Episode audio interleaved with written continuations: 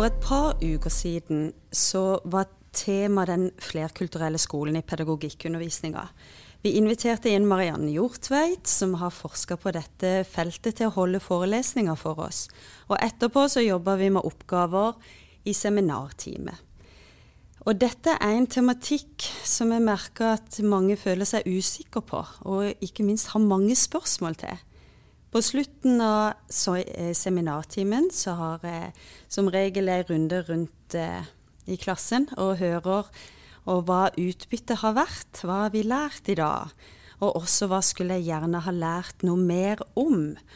Og en av de tingene som de ønska å lære noe mer om, det var hvordan legge til rette for best mulig kontakt med foreldre fra andre kulturer. Det fikk jeg lyst til å ta tak i, og derfor så har jeg invitert deg, Mariann Hjortveit, til Klassens time i dag. Velkommen. Tusen takk. For dette er et felt, det fler... Ja, hva sier vi? Det flerspråklige eller det flerkulturelle klasserommet. Det er noe du har forska på. Og eh, hva er motivasjonen din? Motivasjonen er jo at jeg har jobba med det i grunnskolen før jeg begynte på UiA. Så jeg har erfaring med å være lærer for minoritetsspråklige elever. Eh, bakgrunnen min er egentlig innenfor spesialpedagogikk. Det har jeg jobba med hele mitt yrkesaktive liv. Så fikk jeg lyst til å prøve noe nytt også, og da ble det det flerkulturelle feltet. Og disse to feltene på en måte tangerer hverandre litt, for det er sårbare barn, det er sårbare ungdommer, det er sårbare foreldre. Um, og det er også uh, viktig for meg å si at det er ikke nødvendigvis en sammenheng mellom spesialpedagogikk og flerkulturell pedagogikk. Det er ikke alle minoritetsbarn som trenger spesialpedagogikk. De er på vei til å lære norsk, de har ikke språkproblemer, de aller fleste.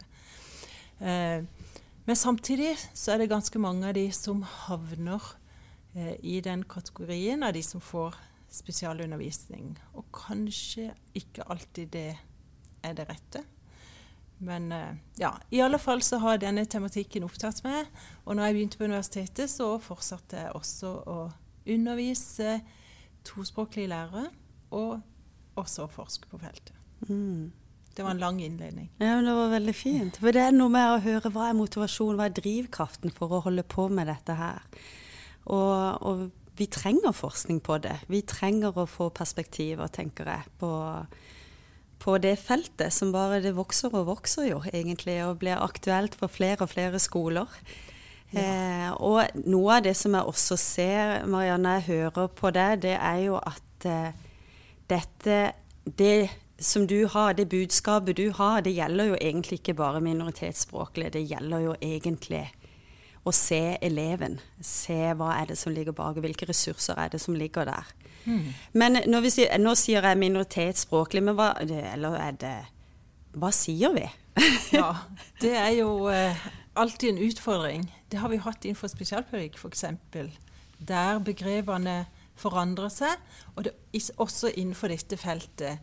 Ting blir på en måte ikke stuereint lenger, og så kommer det nye begreper. Og dette med minoritetsspråklige, som jeg bruker mye, det er ikke nødvendigvis det beste begrepet. For det, det sier noe om makt. Altså noen er minoritet, noen er majoritet. Mm. Eh, men det er veldig vanskelig å finne gode begreper. Noen foreslår uh, flerspråklig, f.eks. Men det er ganske mange i dagens Nesten alle kan engelsk mm. av de som går i skolen. Etter hvert får de flere fag.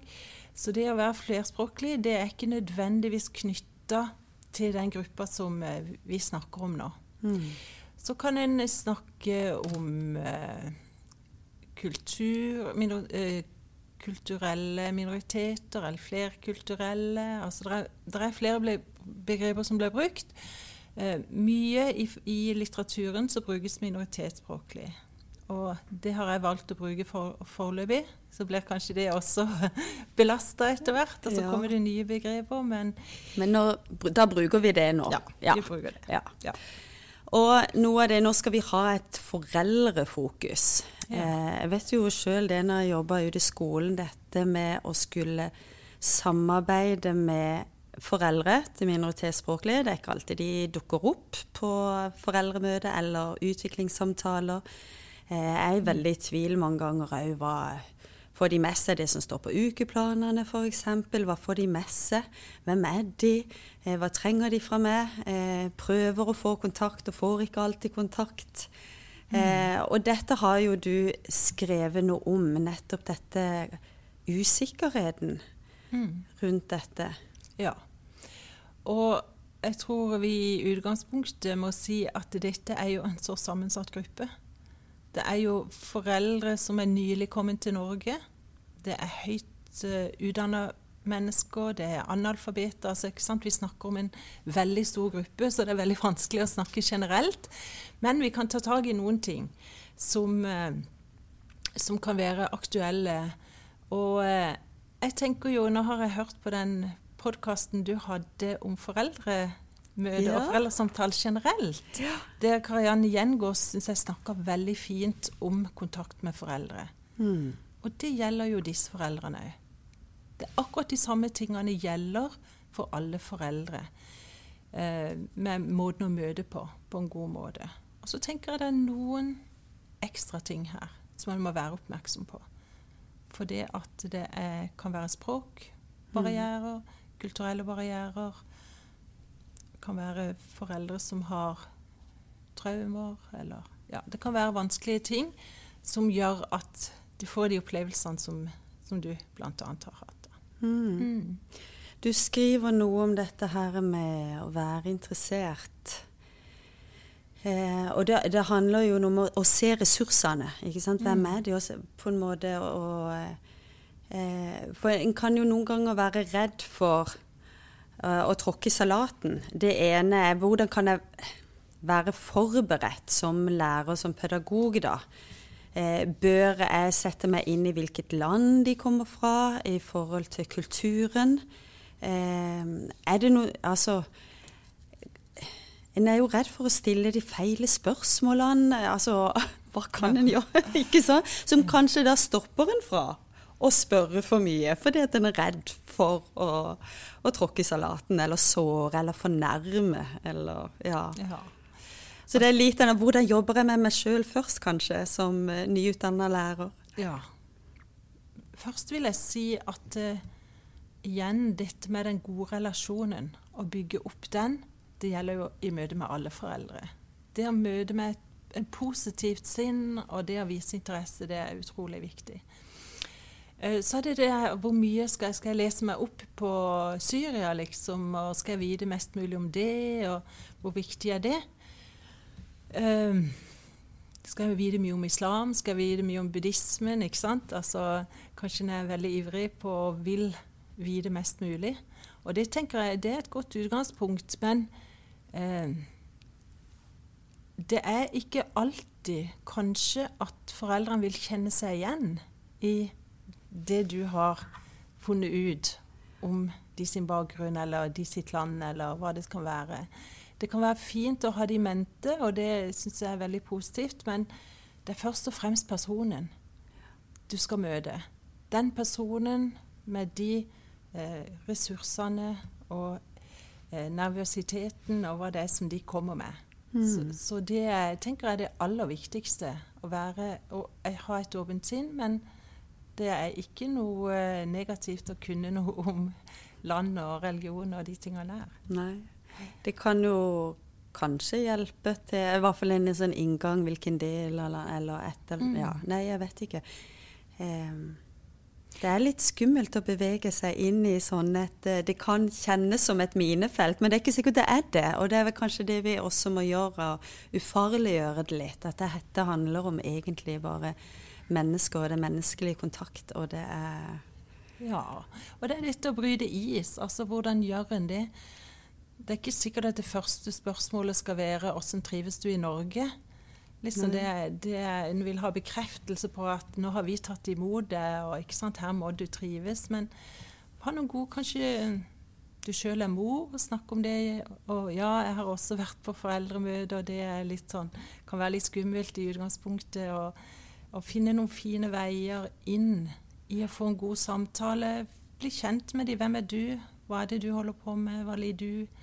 Så videre, ikke sant? Altså mm. eh, trygge. Den. Trygge på det. Trygge på det som person og lærer, ja. kanskje. Det, ja. Og så, Du skriver også noe om dette at eh, de kommer med ulike forståelser av skole. Eh, og rollene, lærerrollene og foreldrerollen og forventninger til mm. For vi har jo egentlig ganske store forventninger til foreldregruppa i norsk skole. Til samarbeid og, og, og deltakelse og engasjement og leksehjelp og det ene og det andre. Ja. Det er lagt stor ansvar på, på foreldre ja. i den norske skolen. Uh, og det kan være noen er vant til det, men det, mange er vant til at hvis de skal komme på skolen, så er det for at læreren skal snakke om noe som er galt. Eller eleven har gjort noe galt. Eller de er ikke vant til en dialogform. At de skal eh, din, de sin stemme skal bli hørt i forhold til skolen. Det er læreren som kan skolen, de kan noe annet. Um, og så kan det være òg at det er veldig vanskelig å skjønne alt dette med, med læreplaner, med mål, med eh, uteskole. Altså det kan være så mange ting som er veldig vanskelig å skjønne. Eh, og da er det viktig hvordan en blir møtt på det. Mm. Noen snakker jo om at de har kommet på foreldremøte der det liksom har kommet opp side etter side med informasjon og, og sånn noe, og de føler seg helt hjelpeløse. Ikke skjønt noen, noen ting av, av, det. Nei. Mm. For jeg tenker Noen er flinke til å spørre. Dette ja. skjønner jeg ikke. Eh, kan du fortelle meg eller forklare meg? Noen har kanskje allerede etablert eh, venner, eller de kjenner noen andre foreldre eh, mm. på skolen og kan spørre. ikke sant? Men det er jo ikke alle som har det nettverket der heller. Nei. Eller tør å spørre. Har, tenker du at eh, til dette her med slags opplæring da, i hvordan norsk skole fungerer, og hvilke forventninger har vi til, til foreldre? Er det er det noen skoler som har eh, brosjyrer, eller som på en måte tar en sånn samtale som eh, en del av årets rutine, da, i forhold til nye foreldre, eller mm. Det er to ting her. Det ene er jo det med eh, foreldremøter generelt, og så er det dette med kontakt eh, eller eh, konferansetimer og sånn. Til ikke sant? Men noen skoler har egne foreldremøter for minoritetsforeldre på begynnelsen av året. Og nå er det jo litt En stund kom det ganske mange nye ja. eh, innvandrere. Nå kommer det kanskje ikke så mange, men, eh, og noen har vært der lenge, så det er ikke så aktuelt. Men det kan være en idé å ha noe sånn. Da er alle på en måte i samme båt. Og så kan en sitte kanskje med bordet med noen som kan samme språk, og så kan en ta opp ting som kanskje ikke vil være så naturlig å ta opp på et vanlig foreldremøte. Ja. Dette f.eks. med å gå på tur og være ute, og dette med læreplaner og mål og lekser og, og forventninger, som du sier. Hvilke forventninger har skolen til foreldre? Det kan være fint å ta i en sånn sammenheng som ikke de føler seg dumme når de skal spørre om ting.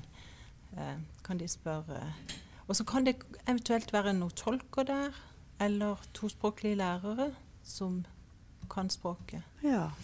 Det er én ting, hvis det er sånn felles ting. Men så ja. er det dette med én-til-én-kontakten. Altså du som, eh, som kontaktlærers eh, møte med foreldre. Da går det kanskje an å ha et møte på forhånd tidlig i skoleløpet, enten på våren eller tidlig på høsten. Kanskje gå hjem, hvis det er, hvis det er naturlig. Og så opprette en spesiell kontakt. Kanskje de trenger litt ekstra tid. Mm. Jeg har en lite tid, liksom, men mm. kanskje prioritere det. Mm. Mm. Det var det egentlig gode tips. Eh, og nå vet jeg, nå spør jeg deg, og jeg vet ikke om du kan svare på det, men nå spør jeg likevel. For det, da vi, har vi snakka litt om dette med foreldremøter og utviklingssamtalen og det å, å våge å ta kontakt. Eh, og så har vi jo den der, nettopp den der ukentlige, eller kanskje daglige. Og vi skriver jo ukeplaner på, på norsk. Eh, og har sjøl erfart eller da at det er tospråklig lærer som på en måte oversetter eller forklarer dette for elever. Hva er det som står denne uka? Så er det gjerne eleven som tar dette videre hjem, da. Mm. Eh, har du noe inntrykk av hvordan det gjøres? Altså, eh, vil, er det noen krav til at det skal skrives på flere språk, eller hvordan hjelper vi forel denne foreldregruppa til å forstå beskjeder som kommer med hjem i ukeplanen, i sekken? Mm.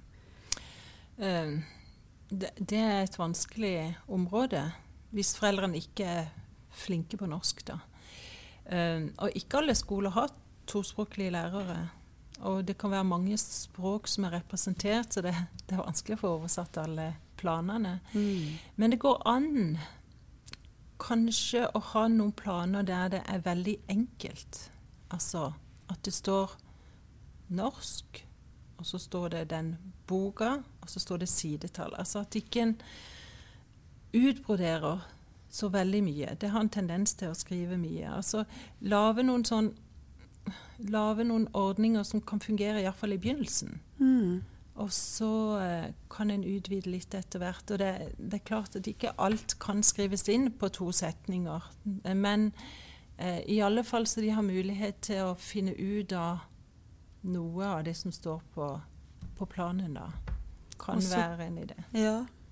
ja. men det er ikke dumt. Det er, det er noen ganger jeg tror det kan være like bra å gjøre det kort. Ja, ja. For den skummer jo igjennom disse planene. Og nå er det jo ikke så mye egentlig sånn ungdomsskole og videregående. En har jo, opererer nok ikke med ukeplaner på samme måte Nei. som en gjør i barneskole. Nei. Men jeg tenker dette med å, å bruke nettsider òg, da, ja. i forhold til informasjon. For da kan en kanskje bruke noen verktøy, sånn som Google Translate eller noe sånt. Ja. Det er jo At, absolutt en god idé å ha det digitalt. Og, ja. Mm. Det Å være litt bevisst på det, og kanskje mm. høre òg. Ja. Mm. Men nå er målgruppa de vi snakker til, det er lærerstudenter. Ja. Ikke sant? Som skal ut i dette her. Eh, men da hvis vi oppsummerer litt, Marianne, i forhold til hvilke råd vi kan gi dem? Ja, altså Et råd er f.eks. språket du bruker. Eh, det ligger masse makt i språk. Hvis du bruker et fagspråk veldig mye Nå er jo disse lærerstudenter og har lest mye og kan mye teori, og det kan være lett å bruke liksom begreper som kan være veldig vanskelig. Eh, noen har kanskje lest tante Ulrikkes vei, ja. som er fra Groruddalen. Og der er det et forferdelig eksempel fra et foreldremøte der en kan bli flau og, og føle eh, skam overfor hva som ble, skjer da. Og da er det bl.a. språket. Han er lite kommunikativ, sier de f.eks. Ikke sant? Og så har han syltetøy på maten. Altså det, hvilke ting skal han ta opp? Hva er viktig her? Og, og hvor bruker en liksom eh, makten sin som lærer, på en mm. måte. Så det å, å kunne gjøre foreldrene trygge på at vi og det, vi vil det beste for ungdommen. Og dette skal vi klare sammen. For du kan jo så mye om eleven, og jeg kan en del om skole og fag og sånn noe, og så kan en på en måte sammen få en god tone. Så, så det er også viktig. Og så er det viktig å ha forventninger også til foreldre. Ja. At du kan mye. Det, har jeg tro på at du kan klare mye i forhold til, til barnet ditt også. Og det, det, stoler vi på at du, du gjør. Mm. Uh, ja, og så er det viktig å lytte, og det der å kunne si at kanskje ikke du er så vant til det, men du kan få lov til å ringe til meg. Eller du kan skrive en e-post, så skal jeg prøve å svare hvis det er noe du lurer på. Eller ja, ha en sånn åpen mm. dør. Og det snakker jo også Kariann mye om. Ja, det, gjelder det er norske, det gjelder norske foreldre òg som er usikre. Og, Ja. ja. Men kanskje ekstra der som ikke de er så vant til at de kan ta kontakt, men faktisk si at det går helt fint, og det har jeg lyst til at du skal gjøre. Mm. Og som Kariann sa, at det kan være i begynnelsen at da blir det mye kontakt, men en får veldig mye igjen for det òg Ja. seinere. Både Ja. på skolen og en får både trygge foreldre og da igjen trygge elever. Mm. Og det å ta godt imot foreldrene, det gjør også elevene tryggere. For det at hvis de blir flaue av foreldrene sine, så er det en dårlig, dårlig situasjon, da. Mm. Ja. Men at du kan være med og løfte de fram også for, for eleven.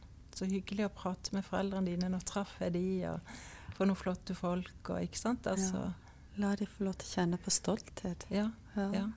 Og også at foreldrene får lov til å kjenne stolthet på barnet sitt. At ikke det bare er litt dårlig i norsk og henger litt etter i matte og sånn, men altså prate om de flotte, gode tingene som en også ser. Mm. Mm. Tusen takk, Mariann. Ja. Det kan være jeg inviterer deg tilbake. ja, Hvis det dukker opp noe annet Ja, vi vil snakke om og vite noe mer om. Takk for at jeg fikk komme. Ja, takk.